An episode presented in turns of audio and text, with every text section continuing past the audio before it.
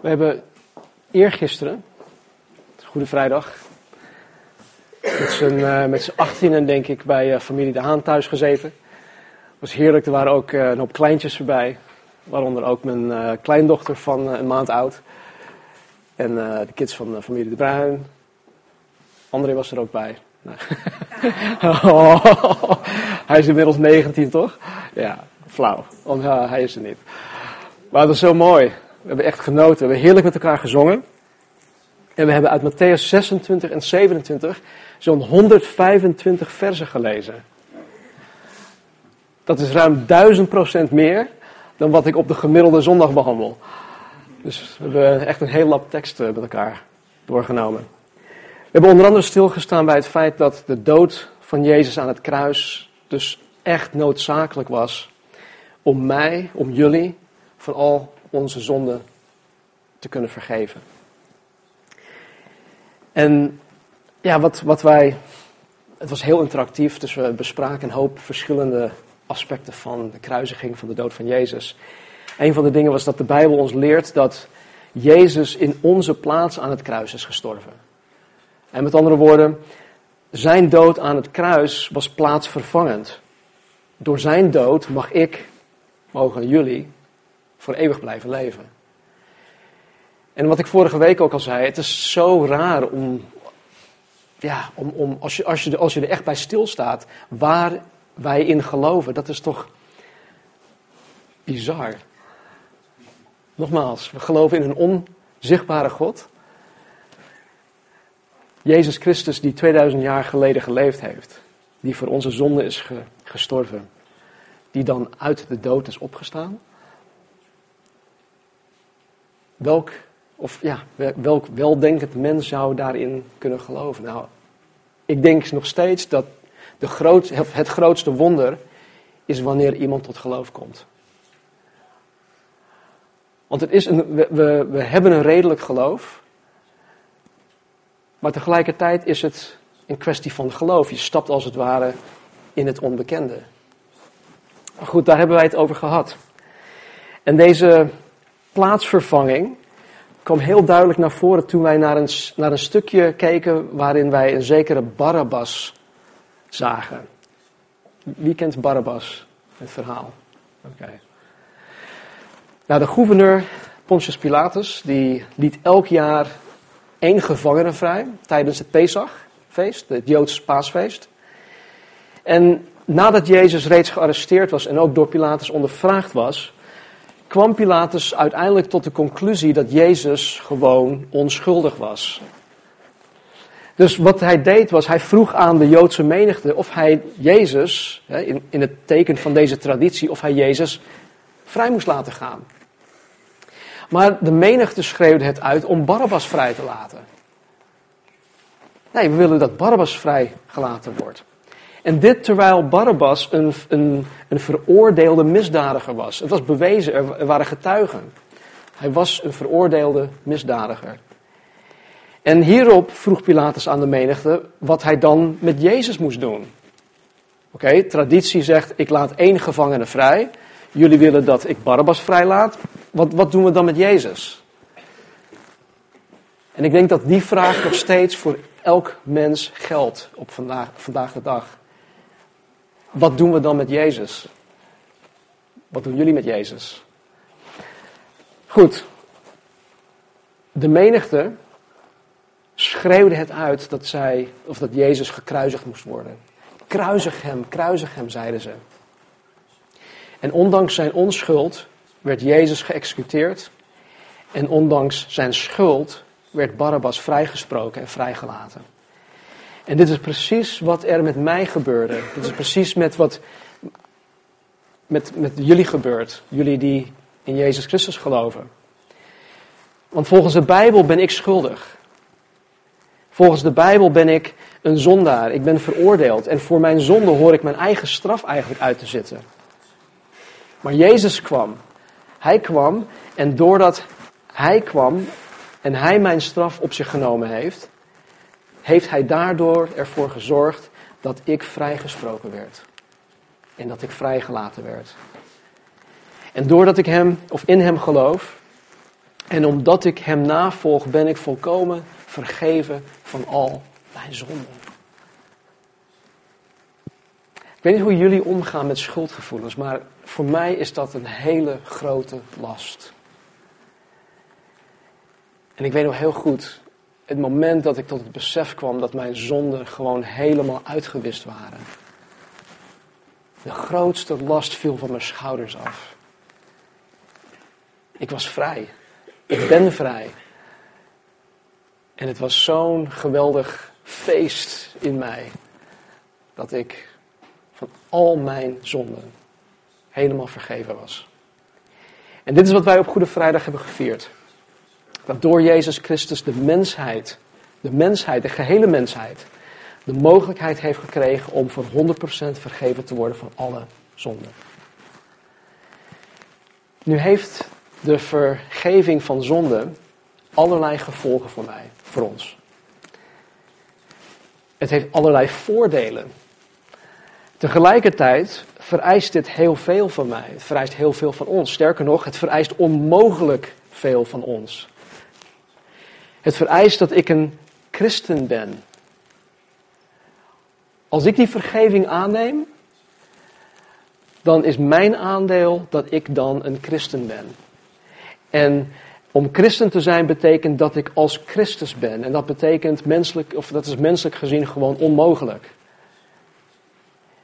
Ik kan me wel telkens afvragen of zo'n eh, zo'n bandje omdoen van what would Jesus do? Maar daar ben ik niet toe in staat. Dus ik aanvaard zijn vergeving. En God zegt: Oké, je krijgt dat van mij cadeau. Maar nu moet jij, moet jij een christen zijn. Als wij alleen maar Goede Vrijdag te vieren hadden, zonder Pasen, dan zouden wij totaal niets aan ons christelijk geloof hebben. Want dan zouden wij niet in staat zijn om überhaupt een christen te kunnen zijn. Echt niet. We, zouden allerlei regeltjes gaan proberen te, te, na te leven en na te volgen, maar het, zou voor geen meter lukken. Want daarom is het Oude Testament ook niet in die zin gelukt. Jezus' opstanding uit de dood is essentieel voor het christelijk geloof. Nadat Jezus gekruisigd en begraven werd, waren zijn volgelingen helemaal ondersteboven. Ze waren ondersteboven van, van, van verdriet. Hun, hun hele wereld stortte in elkaar. Ze waren op dat moment gewoon hopeloos. En in hun beleving hopeloos verloren. Want hun Messias, die werd gedood. En doordat zij zo overhoop waren, konden ze niet eens meer geloven dat Jezus uit de dood op zou kunnen staan. In de evangelie zien we zelfs dat nadat Maria Magdalena de verrezen heren met eigen ogen had gezien en dat ze dat ook aan de discipelen had verteld, dat zij haar niet geloofden. In Marcus staat dit, dit, uh, dit stuk mooi omschreven. Eh, toen Jezus opgestaan was, morgens vroeg op de eerste dag van de week, verscheen hij eerst aan Maria Magdalena, uit wie hij zeven demonen uitgedreven had. Die ging heen en berichtte het aan hen die bij hem geweest waren. Die treurden en huilden. En toen die hoorden dat hij leefde en door haar gezien was, geloofde zij het niet. En daarna is hij aan een andere, of in een andere gedaante geopenbaard aan twee van hen, terwijl ze wandelden en naar het veld gingen. Ook zij gingen het aan de andere berichten, maar zij geloofden ook hen niet. Later is hij geopenbaard aan de elf, terwijl zij aanlagen, terwijl ze aan het eten waren. En hij verweet hun hun ongeloof en hardheid van hart, omdat zij hen niet geloofd hadden die hem gezien hadden nadat hij opgewekt was. En hij zei tegen hem, ga heen in heel de wereld, predik het evangelie aan alle schepselen. Wie geloofd zal hebben en gedoopt zal zijn, zal zalig worden. Maar wie niet geloofd zal hebben, zal verdoemd worden. Totdat de discipelen Jezus met eigen ogen gezien hadden, was het voor hun gewoon over. Het is einde verhaal. Maar wat Jezus betrof, was zijn kruisiging de volbrenging van zijn menselijk werk hier op aarde. Aan het kruis, wat zei hij? Het is volbracht. Geweldig Grieks woord, tetelestai, het is volbracht. En hij had zijn menselijk werk op aarde volbracht.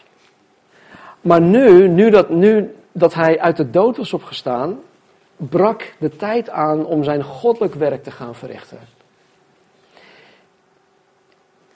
En weet je dat dat goddelijk werk, daar mogen wij aan meedoen. Paulus noemt ons medearbeiders van God. Als je het in hedendaagse termen wil stellen, zijn wij collega's van Jezus Christus. Misschien heel, heel oneerbiedig, maar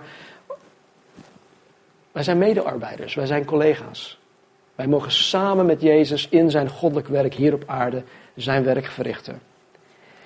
Nou, dit werk zou dus onmogelijk zijn geweest als Jezus niet uit de dood was opgestaan. Toch? Vorige week, denk ik, haalde ik iets aan van over. Uh, als je. Mensen zeggen in de wereld, ja, alle wegen leiden naar de hemel toe. Maar goed, stel dat je op het pad bent. En je ziet ineens dat de weg die kant op gaat en die kant op en die kant op en die kant op. En, en ja, welke, welke, welke weg moet je kiezen? Nou, op één weg zie je het graf van Mohammed. Op een andere weg zie je misschien een Boeddha-beeld.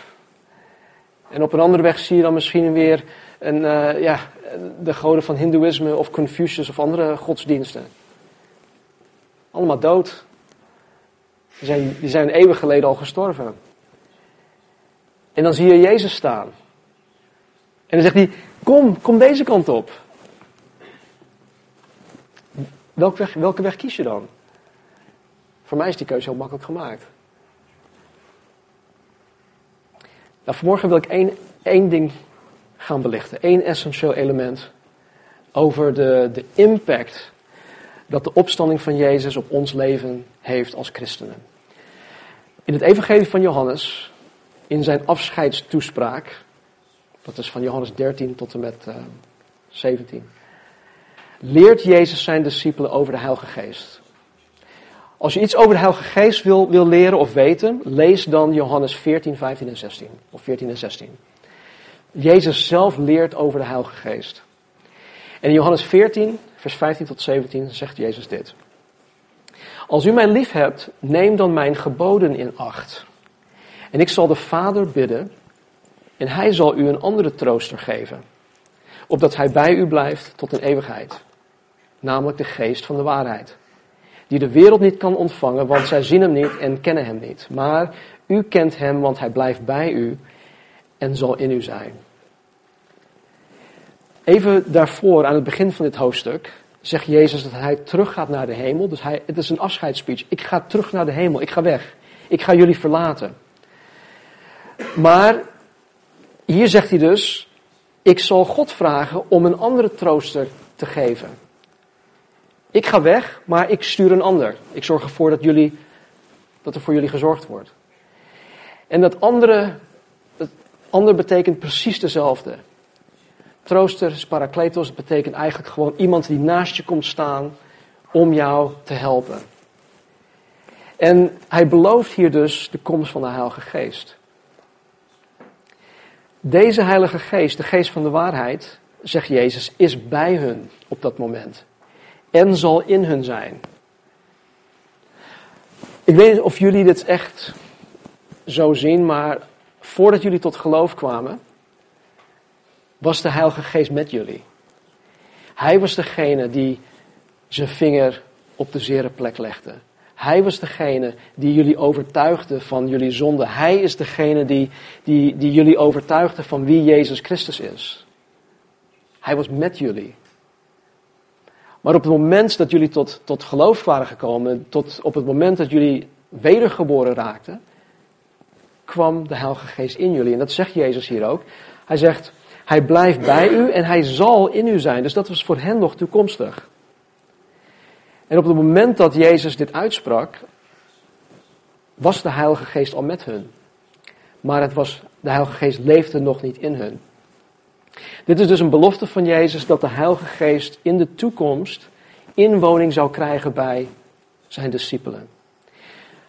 Nou, dit is nog voor de kruisiging en voor de opstanding van de dood, wanneer Jezus dit zegt. Ja, nu gaan we fast forward naar uh, Johannes 20, waarin Jezus reeds uit de dood is opgestaan. En er staat er dit. In Johannes 20, vers 19 tot 23. Toen het nu avond was, op die eerste dag van de week, en de deuren van de plaats waar de discipelen bijeen waren, uit vrees voor de Joden gesloten waren, kwam Jezus en hij stond in hun midden en zei tegen hen: Vrede zij u. En dus hij komt gewoon binnen, alle deuren zijn gesloten, en dan staat hij ineens in het midden en hij zegt als het ware: Hey jongens, peace. Vrede zij u. Peace out. En nadat hij dit gezegd had, liet hij hun zijn handen zien en zijn, en zijn zij. De discipelen dan verblijden zich toen zij de Heer zagen.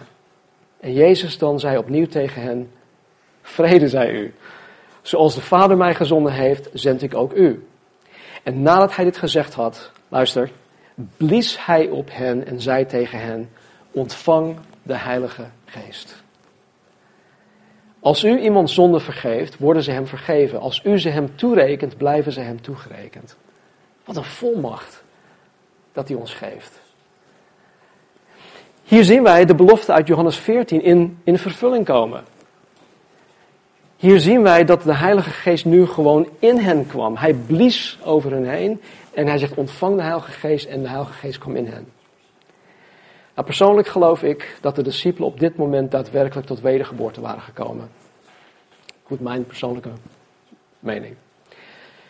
Heel belangrijk om te zien is dat het ontvangen van de Heilige Geest en het, en het wedergeboren worden pas na Jezus' opstanding uit de dood mogelijk was. Dus niet daarvoor. Pas na de kruisiging, na de opstanding uit de dood, is de wedergeboorte mogelijk. Nu dit. In Handelingen 1 zien wij in het begin van, van, van het boek um, de, de hemelvaart van Jezus. Vlak voor de hemelvaart legt Jezus uit wat er gaat gebeuren. En hij geeft hun instructies. En in Handelingen 2, met Pinksteren, wordt de Heilige Geest uitgestort. En de gemeente van Jezus Christus, de kerk, wordt geboren. Maar goed, laten we even dit stukje lezen. Handelingen 1 en dan vers 1 tot en met 8. Lucas schrijft hier. Het eerste boek heb ik gemaakt, O Theophilus, over alles wat Jezus begonnen is te doen. Dat is het evangelie van Lucas. En te onderwijzen, tot op de dag waarop hij opgenomen is, de hemelvaart. Nadat hij door de Heilige Geest aan de apostelen, die hij uitgekozen had, opdrachten had gegeven. De grote opdracht geldt ook voor ons. Hij heeft zichzelf, nadat hij geleden had, ook levend aan hen vertoond met veel onmiskenbare bewijzen 40 dagen lang. Waarbij hij door hen gezien werd en over de dingen sprak die het koninkrijk van God betreffen. En toen hij met hen samen was, beval hij hun dat zij niet uit Jeruzalem weg zouden gaan, maar de belofte van de Vader zouden verwachten. Die u, zei hij, van mij gehoord hebt. De belofte, Johannes hoofdstuk 14. Want Johannes doopte wel met water, zei Jezus, maar u zult met de Heilige Geest gedoopt worden niet lang na deze dagen. En hier komt het. U zult de kracht van de Heilige Geest ontvangen die over u komen zal. En u zult mijn getuige zijn, zowel in Jeruzalem als in heel Judea, Samaria en tot het uiterste van de aarde. Doordat Jezus uit de dood was opgestaan, dien ik, dienen wij sowieso een, een levende God. Jezus leeft voor eeuwig. Hij leeft voor eeuwig in zijn verheerlijkte staat. Jezus had toen hij hier op aarde was een aantal mensen uit de dood doen opstaan. De meest bekende is waarschijnlijk Lazarus. Maar Lazarus stierf en vier dagen later kwam Jezus en Jezus zegt, Lazarus, kom het graf uit. Daarna is Lazarus weer gestorven. Die opstanding uit de dood van Lazarus was meer een soort van reanimatie. Terwijl de opstanding van Jezus uit de dood, dat was echt de opstanding uit de dood voor eeuwig. Hij kreeg een verheerlijk lichaam. Hij werd voor eeuwig veranderd. En dat staat mij straks ook te wachten. Ik kan echt niet wachten totdat ik mijn verheerlijk lichaam krijg. Dan kan ik ook gewoon net als Jezus, boem, ergens in een, in een kamer zijn. Van, hey, peace out. Nee, maar weet je, Dan heb ik niet meer te maken met, mijn, met, met al die kwalen en pijn in mijn gewrichten en, en al die ellende meer. In mijn beperkt lichaam. Ik zie er echt naar uit. Doordat Jezus uit de dood was opgestaan, heb ik de Heilige Geest mogen ontvangen. Ik heb de, de doop met de Heilige Geest mogen ervaren. Jezus zegt hier in, in, in Handelingen 1:8, u zult de kracht van de Heilige Geest ontvangen die over u komen zal. Met andere woorden, het is alsof de Heilige Geest mij overspoelt. En dat geeft mij kracht. Kracht om wat? Om getuige te zijn. Ik vind het wel mooi, wat eh, het Grieks woord voor getuige is martus. Waarnaar klinkt dat, martus? Martelaar. Dus God geeft mij kracht. Ik word gedoopt met de Heilige Geest, opdat ik een martelaar kan worden. Nou goed, God heeft niks aan mij als ik dood ben. Althans niet hier op aarde. Maar hij heeft er tegelijkertijd alles aan als ik dood ben. In de zin dat als ik aan mezelf sterf. Dus mijn mindset, mijn denkwijze moet zo zijn dat ik eigenlijk al dood ben. En dat ik leef voor Christus. Niet voor niets zegt Jezus, wie een christen wil zijn, die moet wat? Die moet zichzelf verloochenen. Met andere woorden, je moet jezelf niet meer belangrijk vinden. Je moet je kruis opnemen, ten tweede. En je kruis opnemen spreekt van een, een, een enkele reis naar het kruis toe. Met andere woorden, je moet sterven aan jezelf. Dan pas ben je in staat om mij na te volgen.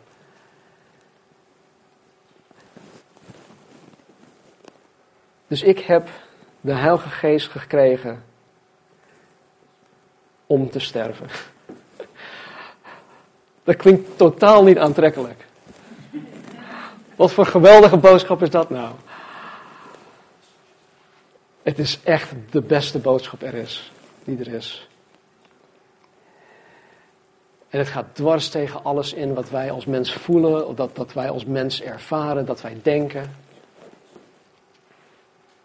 Maar God weet veel beter dan wij, dan wij dat weten. Geen enkele andere godsdienst kan hier aan tippen. Want Jezus Christus is de enige de enige die de dood heeft overwonnen. Er zijn denk ik in de wereld ehm, iets van 26 godsdienstboeken die over het algemeen bekend zijn. Je hebt natuurlijk de Bijbel, maar je hebt ook de, de Koran, je hebt allerlei verschillende boeken. In geen enkel van die boeken beweert de godsdienst dat hun God de dood heeft overwonnen. Jezus Christus is uniek. Hij is de enige echte levende God van de Bijbel. Hij is de enige die onze schuld op zich genomen heeft. Hij is de enige die ons de mogelijkheid geeft om 100% onschuldig en 100% rechtvaardig verklaard te worden. Dat is ook weer zoiets. Ik ken mezelf. Als ik in de spiegel kijk, dan zie ik al mijn fouten. Als ik mezelf tegen het licht van het woord aanhoud, dan zie ik hoe zondig ik eigenlijk ben. Maar door de bril van Jezus Christus ziet God mij als onschuldig, als 100% rechtvaardig. Dat is mijn positie. En als dat mijn positie is, dan zegt de Bijbel: oké, wandel dan waardig de roeping waarmee je geroepen bent. Dan wil ik die oude dingen van het leven niet meer doen. Jezus is de enige die ons, die ons het echte leven kan bieden. Die ons vrede kan geven in het diepst van ons wezen. Die ons vreugde kan geven. Vreugde. En vreugde betekent niet altijd van, jee, happy feesten. Nee, vreugde is soms gewoon heerlijk stilzitten. En diep van binnen gewoon heerlijk genieten van wat God je geeft. En dan hoef je niet uitbundig te, te gaan eh, springen of, of, of jubelen of wat dan ook. Vreugde is iets wat, ja, het is een kwaliteit van, van, van leven. En Hij is de enige die ons die vreugde kan geven. Ondanks alle narigheid waarmee, waarmee wij in dit leven te maken krijgen. Ik kan ondanks alle narigheid van het leven, nog steeds blij zijn. Ik kan nog steeds vrede in mijn hart hebben. Ik kan nog steeds vreugde in mijn hart hebben.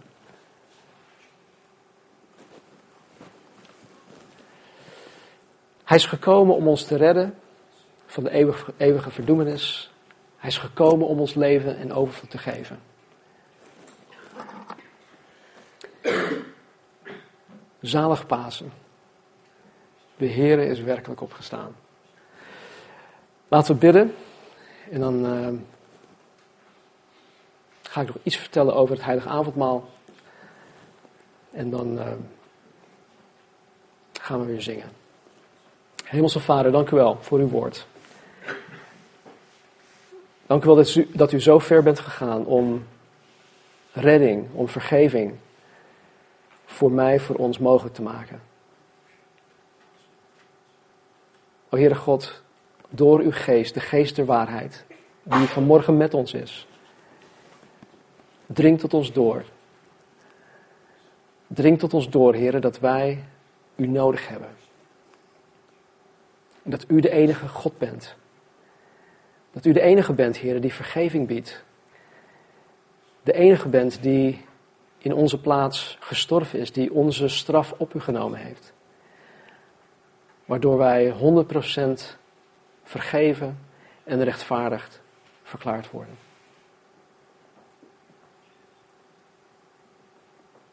Dus Heer, doe uw werk. Komt het uw doel vanmorgen met een ieder van ons. En help je ons, Heer, om de vraag te beantwoorden: wat doen we met Jezus? Uiteindelijk, Heer, zal dat bepalend zijn wanneer we voor uw troon mogen staan. Het enige waar het om draait, Heer, bij u is: Stan, wat heb jij met Jezus gedaan? En als ik zeg, oh God, ik heb mezelf verlogend. Ik heb mijn kruis opgenomen. Niet in volmaaktheid. Heer, het is met vallen en opstaan gedaan, maar ik heb Jezus nagevolgd. Ik heb mijn leven aan Hem toegewijd. Heer, dan zal ik die geweldige woorden horen. Goed gedaan. Goede en trouwe dienstknecht. Dus Heer, help ons om daarvan doordrongen te zijn. En help ons, Heer, om daarnaar te verlangen. Dank u wel. In Jezus' naam, amen. In, uh, in Lucas staat een mooi gedeelte over het heilige avondmaal. Ik zal het voorlezen. En toen het uur gekomen was, ging hij aan tafel aanliggen, dus Jezus. En de twaalf apostelen met hem. En hij zei tegen hen: Ik heb er vurig naar verlangd dit pascha of dit paasfeest met u te eten, voordat ik ga lijden. Want ik zeg u dat ik daar zeker niet meer van zal eten totdat het vervuld is in het koninkrijk van God. En nadat hij een drinkbeker genomen had en gedankt had, zei hij: Neem deze en deel hem, met, deel hem onder elkaar. Want ik zeg u dat ik niet drinken zal van de vrucht van de wijnstok totdat het koninkrijk van God gekomen is. En hij nam brood en nadat hij gedankt had, brak hij het en gaf het aan hen. Met de woorden, dit is mijn lichaam dat voor u gegeven wordt. Doe dat tot mijn gedachtenis. Evenzo nam hij ook de drinkbeker na het gebruiken van de maaltijd en zei, deze drinkbeker is het nieuwe verbond in mijn bloed, dat voor u vergoten wordt.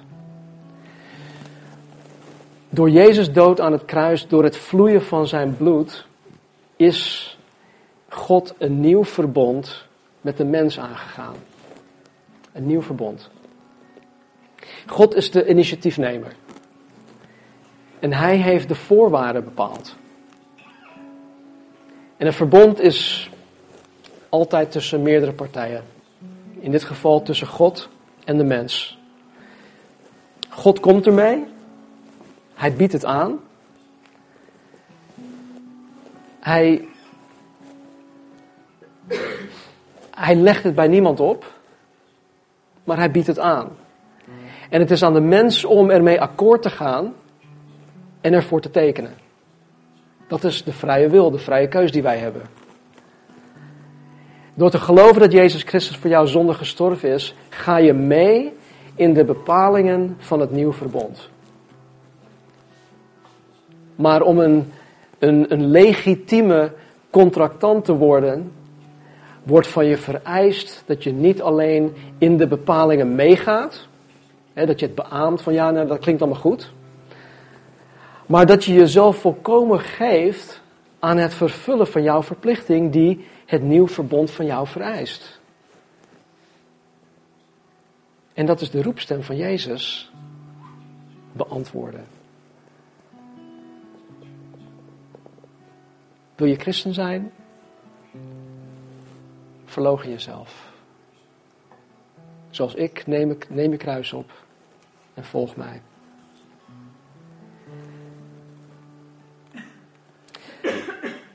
Dus we gaan zo meteen nog een aantal liederen zingen. Um, terwijl er gezongen wordt. Neem gerust de tijd om met God te praten. Misschien denk je van ja, ik, ik vind het contract, het nieuwe verbond allemaal wel leuk, maar ik wil nog even onderhandelen. Doe dat. Neem de tijd daarvoor. Maar weet wel dat God het laatste woord heeft. Maar doe het. Het is beter om te onderhandelen dan het gewoon af te wijzen. En laat de Satan je alsjeblieft geen schuldgevoelens opleggen. Of schuldgevoelens inpraten, in je oor influisteren. Van nee, jij bent het niet waard. Niemand is het waard, ik ook niet. Maar kom gewoon. Kom en leef. En leef voor eeuwig. En leef in onschuld. En leef in vrede. En leef in vreugde. En in vervulling en in voldaan zijn. En ik kan nog urenlang doorgaan. Laten we zingen.